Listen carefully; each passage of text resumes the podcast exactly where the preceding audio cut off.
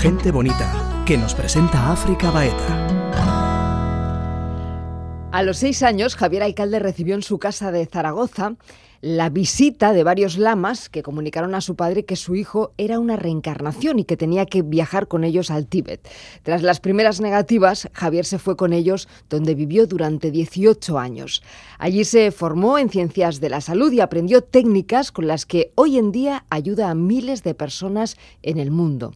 Con su particular humor y humilde sabiduría, el lama Shannon nos cuenta su historia y cómo descubrir nuestro propósito de vida. Gente bonita con África Baeta. Javier o Lama Shannon, ¿cómo te llamo? Bueno, eh, las dos cosas. En, España me suelen decir Javier, fuera me suelen decir Shannon, porque Shannon quiere decir la salud que va hacia la luz. Eso significa. ¿Y quién te puso el nombre de Shannon? Bueno, me lo pusieron en Tíbet, ya que a los seis años eh, lo que ocurrió fue que yo, claro, murió mi madre y empecé a desarrollar unas capacidades. Entonces, a los seis años podía levitar, podía ver a las personas como si fueran transparentes y si les pasaba cualquier cosa emocional o física, podía solucionarlo. Pero yo no sabía lo que hacía hasta que llegaron unos señores del Tíbet que, como coincidió con la época de Franco, vinieron vestidos normales por no provocar desencuentros y me dijeron que era uno de los suyos y tenían que irme a Tíbet a desarrollar todo lo que yo tenía y aplicarlo. A ver, espera, espera, vamos por partes. ¿Quién eres? La reencarnación de, un lama. La reencarnación de un lama. ¿Y sabes de qué lama? Sí, pero esas informaciones son restringidas porque igual que hay arquitectos para carreteras o para edificios, lo espiritual lo tuve que aprender, pero estoy más enfocado a la salud. ¿Cómo un niño de apenas seis años, has dicho? Termina en un mm. monasterio del Tíbet durante 18 años. No solo yo, sino que somos 12, uno de cada país, y a todos nos murió la madre. También, a los seis años desarrollaron capacidades. Hay unos que son telépatas, otros que se dedican a la salud como yo, y otros que se dedican solo a coordinar a la evolución. Durísimo el entrenamiento, cada seis meses cambio de monasterio para evitar arraigos. Entonces, de niño que te cambien cada seis meses y que tu familia sea los 12, pues no lo entiendes, pero es lo que vives. Entonces dices que vinieron eh, un grupo de, lamas, estamos hablando de la época del franquismo, has dicho antes que eh, vinieron vestidos de forma callejera para no llamar la atención y dijeron que te tenían que llevar a ti a un monasterio del Tíbet. No se suele decir, ¿no? Que normalmente al niño que detectan que es una reencarnación le hacen una serie de pruebas para confirmar que realmente es la reencarnación de un lama. ¿A ti te hicieron esas pruebas? No, a mí lo único que me, que me hicieron es que me tenían que enseñar, porque la reencarnación no es para seguir un nivel espiritual, es para seguir a las personas, para ir detrás de ellas, no para guiarlas. Entonces las pruebas te ponen solo personas, no te ponen nada eh, para que tú sepas. Solo tienes que saber mejorar a las personas. Esa es la prueba que te ponen. ¿Y qué prueba te pusieron? Bueno, personas que como eran ellos, ¿no? Y yo les dije todo de ellos. ¿Y en alguna orden o linaje budista en concreto estuviste? ¿O eso no tiene bueno, pertenecemos a la, a la escuela Wuelu, que la escuela Wuelu es la escuela reformista, es la más moderna que hay, es la, es la del Dalai Lama. Pero eh, dijéramos que tenemos que seguir corrientes independientes, porque claro, tenemos que acceder a todo tipo de personas, no solo a las corrientes budistas. Entonces, cristianismo, taoísmo, todas. Entonces, no podemos eh, pertenecer a una en exclusión. Tenemos que hacer un poco de todas para llegar, para alcanzar a muchas personas, ya que cada año son más de 3.000 las que vemos. Y en ese momento, ¿por qué te fuiste? ¿no? Porque eras un niño y tomar también la decisión de irte y dejarlo todo. Eh, ¿Cómo fue? Pues es que estaba lleno. Entonces, claro, no, no, tuve la impresión de que dejaba nada, porque estaba lleno, estaba completo, estaba contento. No sabía qué iba, pero sabía que me gustaba. Entonces, es como un cumpleaños, no sabes lo que vas a vivir, pero te gusta que llegue la fecha. Pues yo igual, era como mi cumpleaños. Es curioso porque en ti, realmente había dones, pero no había una búsqueda espiritual.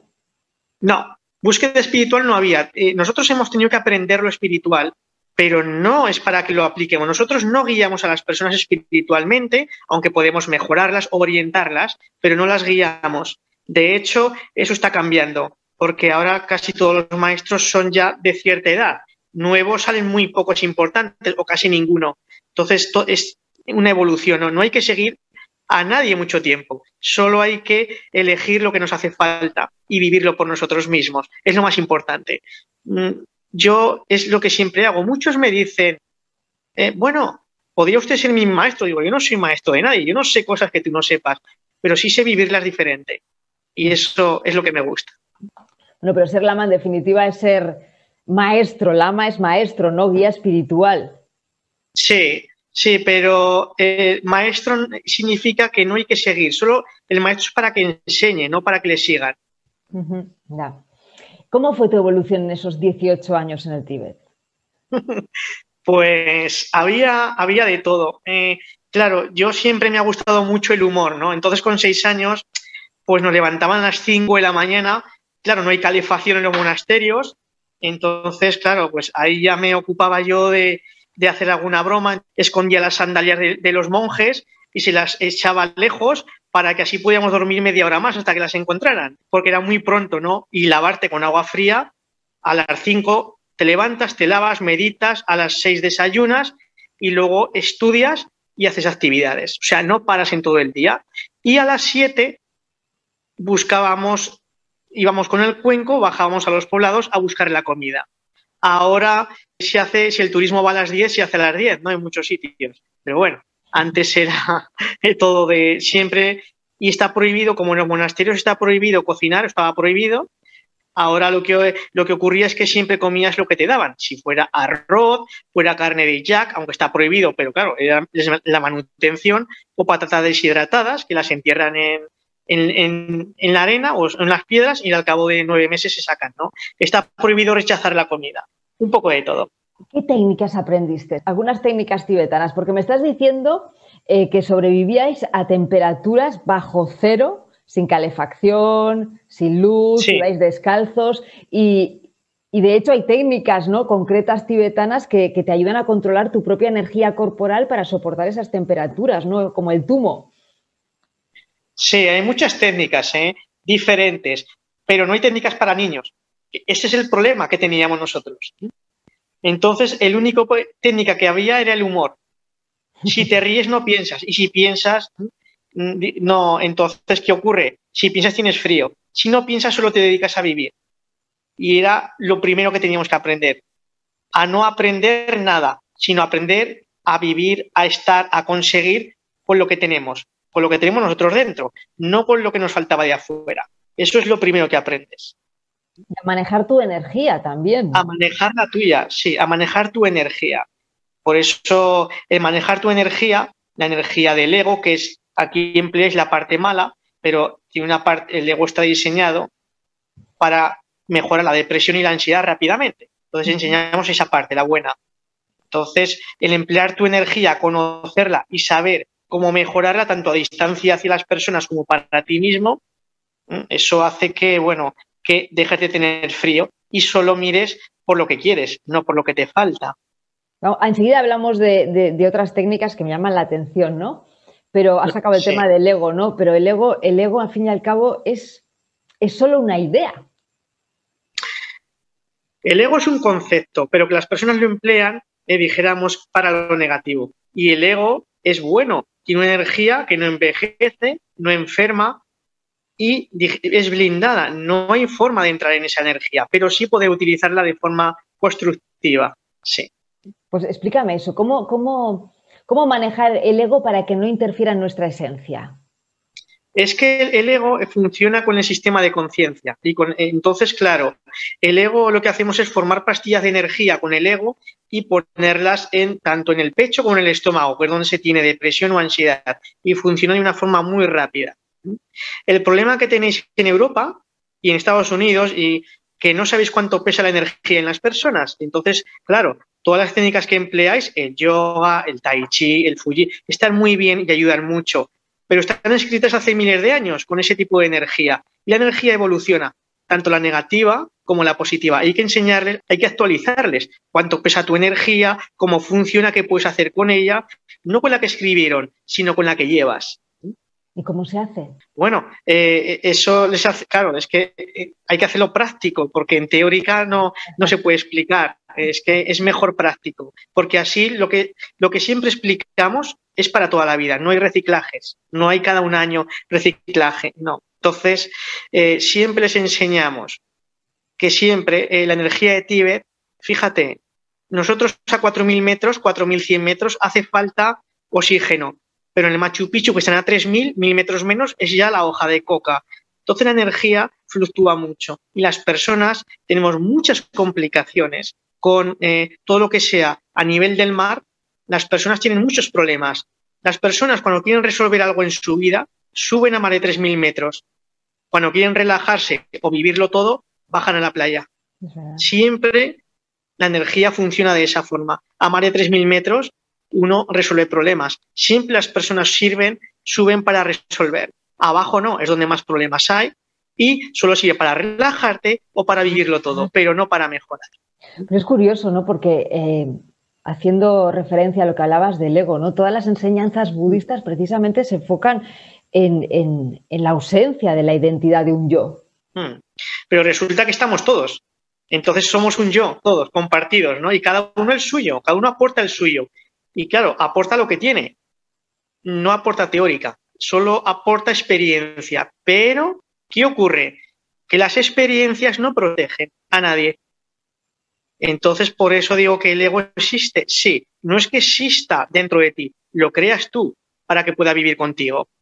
Esa es la diferencia. O sea, está claro que o sea, lo que no existe es una identidad independiente, todo es vacuidad. Eso es, así es, pero luego todo se vive. ¿eh? Háblame de la vacuidad, ¿cómo la ves tú? Bueno, ya entramos más en espiritual que... Eh, luego, retomamos, luego retomamos las técnicas, pero me has llevado tú hasta aquí, Javier, o sea que... Bueno, ¿qué te gustaría saber de la vacuidad o qué crees que sería útil saber? ¿Cómo aprender realmente a vivir desde la vacuidad? Desde, desde, la, desde, desde ese concepto ¿no? De, que no hay nada independiente, de que no existe un, yo independiente. Un yo independiente no existe. Date cuenta que siempre que soñamos, soñamos con personas. O sea, nadie sueña solo. Entonces, por eso es imposible que haya un yo independiente. La evolución consta de personas, pero cada vez son más independientes. ¿Por qué? Porque el yo está menos compartido. Entonces la vacuidad es, no bueno, hay varias formas de verla, pero la más sencilla, la que no te va a hacer daño nunca ni te va a generar ansiedad es, yo vivo lo que me gusta y cuando no lo cambio. Uno no mejora con lo que piensa, mejora con lo que hace. Por lo tanto, tú lo haces y no te gusta, lo cambias. Pero si no, sufres por mantenerlo. Siempre hay que hacerlo todo sencillo. Sí, pero, pero ahí yo creo mucho en el poder de los pensamientos. ¿eh? Yo creo que son los pensamientos los que crean las realidades, más que en el hacer. Creo que tiene más mm. poder el pensamiento que el hacer. Sí, pero mira, primero haz las cosas y luego ya las mejoras pensando. Y tiene mucha más fuerza. me imagino que tú también, entre esas técnicas que hablábamos antes tibetanas, eh, estuvo el control del pensamiento. Sí, el control de la mente, control del pensamiento pero lo que la mente piensa, el cuerpo lo hace posible, siempre. ¿Cómo aprovechar la energía del pensamiento? Es una energía que conforma el espíritu, el alma y la conciencia. Entonces el espíritu es la máquina del tren. Eh, cuando uno dice tiene poco espíritu, significa que tiene poca energía. El alma es el notario, el que registra todo lo que hacemos. Siempre en el alma hay un bolígrafo hecho de energía Experiencias nuevas se escribe, experiencias ya hechas, vividas, no escribe nada. Y la conciencia es lo que determina si vamos por buen camino, si nos gusta lo que hacemos o lo hacemos aunque esté mal. Eso es lo que hace la conciencia, solo elegir, pero en ningún caso determinar. otra de las técnicas que aprendiste y eres un experto es la telepatía. Sí, pero para tener telepatía hace falta que la otra persona tenga los canales abiertos también. Es como un móvil si yo tengo móvil y tú no, no nos podemos comunicar, sí. Pero creo que lo enseñaremos porque cada año nos dejan sacar algunas cosas nuevas y la telepatía aún no, no sé cuándo, pero enseñar cómo se abren los canales está bien. Sí, cómo te puedes comunicar con otra persona sin que esté. Está bien. ¿Cuál en otro cuarto. ¿Cuál es la verdadera naturaleza de la mente? Mm, la mente es lo único que no evoluciona. Cuando uno muere se queda. Por lo tanto, es solo para que nos dirija. Es como el coche. Vamos todos metidos en el coche, pero el coche es el que nos lleva. Solo eso. Con el coche aprendemos, aprendemos a ver, aprendemos a observar, a parar, a arrancar. Eso es la mente. Aprendemos a todo y a cambiar. Cambiamos de coche. Sí. La mente es la que nos lleva también muchas veces a, esos estados de confusión, ¿no? ¿Qué es para ti el sufrimiento? Para mí el sufrimiento es la etapa más bonita, eh, dijéramos, que, que, tiene la felicidad. ¿Por qué? La felicidad sin el sufrimiento no podría existir. Si uno no sufre, no puede ver la felicidad que está al otro lado. Por eso es la etapa más bonita para él. ¿Y, la, y la felicidad que es para ti? La felicidad para mí es siempre elegir lo que no me gusta para saber lo que no tengo que hacer. Eso es para mí ser feliz. ¿Conectaste con tu esencia cuando estabas en los monasterios? O sea, llegaste un día a, a descubrir realmente quién eras, ¿no? ¿Cuál es tu esencia? Sí, sí que llegué, pero te da miedo, ¿eh? Porque son cosas que nunca has visto, que nadie te puede traer si te pierdes. Entonces hay veces que te da miedo verte. Pero sí, sí que conectas. Pero lo abandonas pronto, ¿eh? Te da miedo verlo. Porque es algo. ¿Por qué? ¿Por qué te da miedo verlo? Porque es algo que nunca has vivido, que nadie sabe y que te ves tú solo. Pero con todo lo que necesitas a tu alrededor.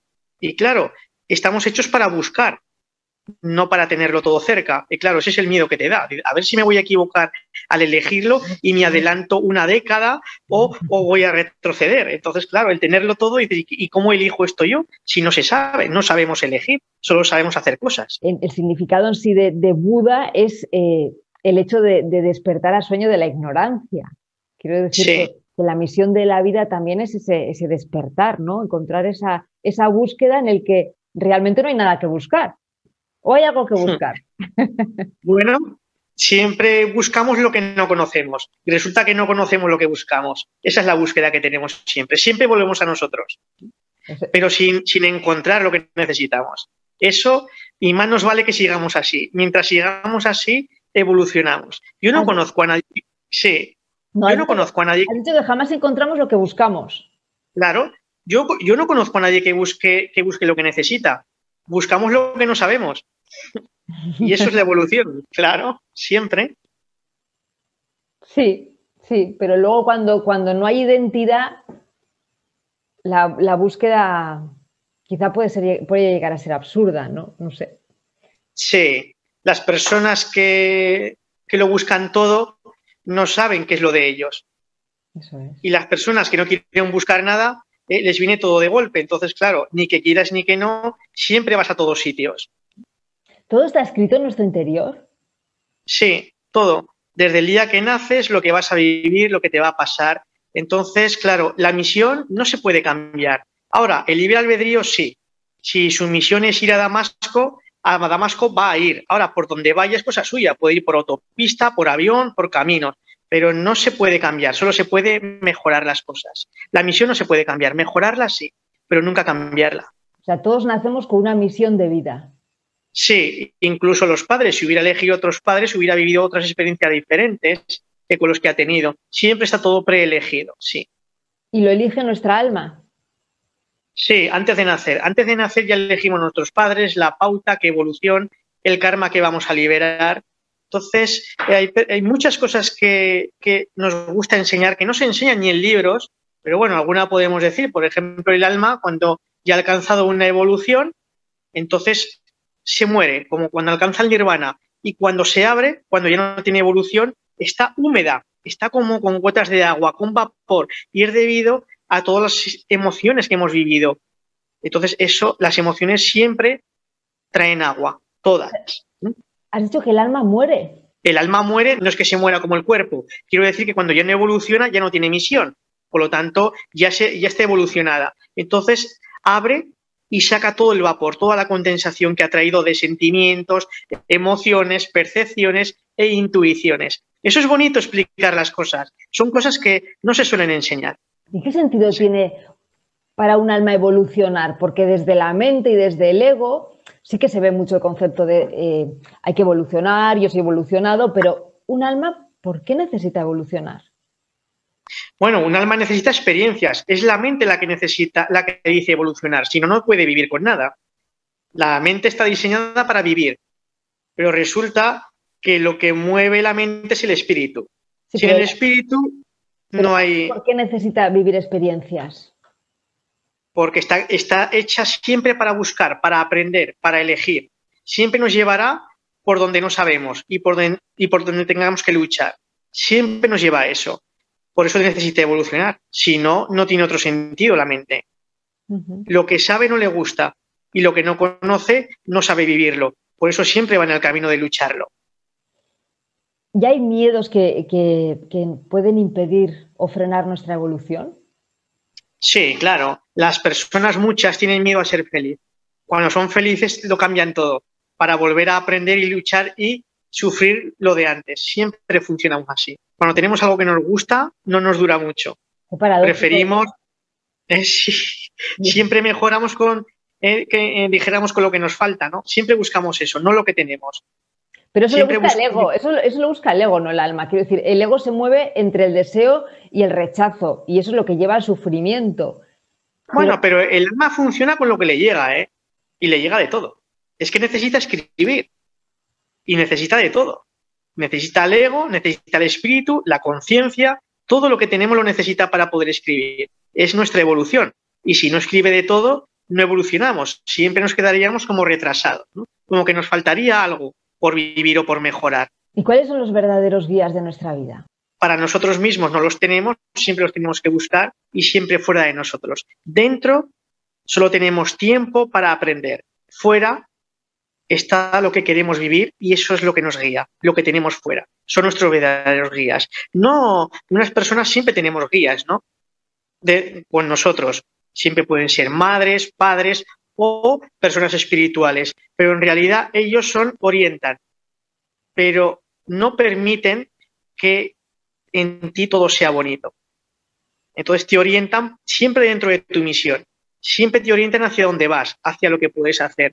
No para solo lo bueno o lo mejor. Eso solo para las personas bastante iluminadas, que yo, no soy, ¿no? Solo cuando hay luz, pero si no, no. Sí, pero te quiero decir que, también hay guías, guías internos, ¿no? O sea, como, como en, el, en el budismo habláis mucho de, la compasión y de la sabiduría, como los grandes mm. guías. Sí, sí, claro, es que todo lo necesitamos, ¿no? Date, date cuenta que necesitamos todo verlo y conocerlo. Entonces la compasión es algo que nos permite por lo menos estar con nosotros, por lo menos valorar las cosas, verlas y analizarlas. Sin eso no podríamos. La compasión no es para que se siga, es para que valoremos todo lo que vivimos. Bueno, llevas más de 30 años, lo has dicho antes, ayudando a miles y miles y miles de personas, ¿no? Explícame cómo mm. lo haces. Sí, eh, primero voy a empezar al revés. Las personas que no me gustan no las veo y los enfermos terminales tampoco, porque pensamos que un enfermo terminal tiene la salud en otra parte, así que no somos efectivos. Eso tampoco lo hago. Pero yo veo una persona y en seis segundos sé cuándo, ha nacido, cuando se muere, qué proyecto tiene en su vida, qué relaciones va a tener, cómo va a ser, qué complicaciones, laboralmente, en qué sector hubiera llegado con más éxito o cuál sería lo mejor en él, sabe si va a ser feliz o no. Porque hay personas que lo que aprenden es a no sufrir y otras a vivir lo que les gusta. explicárselos y conducirlos es importante, porque así no se equivocan. ¿Y cómo lo ves? Es una combinación de escritura, de signos, de sistemas de energía y de sistemas binarios de energía. Es un sistema de, colores, signos, eh, pesos, o sea, como balanzas, ¿no? Entonces, y de imágenes. Imágenes no son fotos, imágenes son solo experiencias. Entonces es bastante complejo de verlo. ¿Qué camino ofrece el budismo a la sociedad? Nosotros creemos que hay que elegir siempre el camino que más nos convenga, no seguir un camino por completo. Es elegir las enseñanzas del budismo, del hinduismo, el taoísmo, todas son buenas y todas llegan al mismo fin.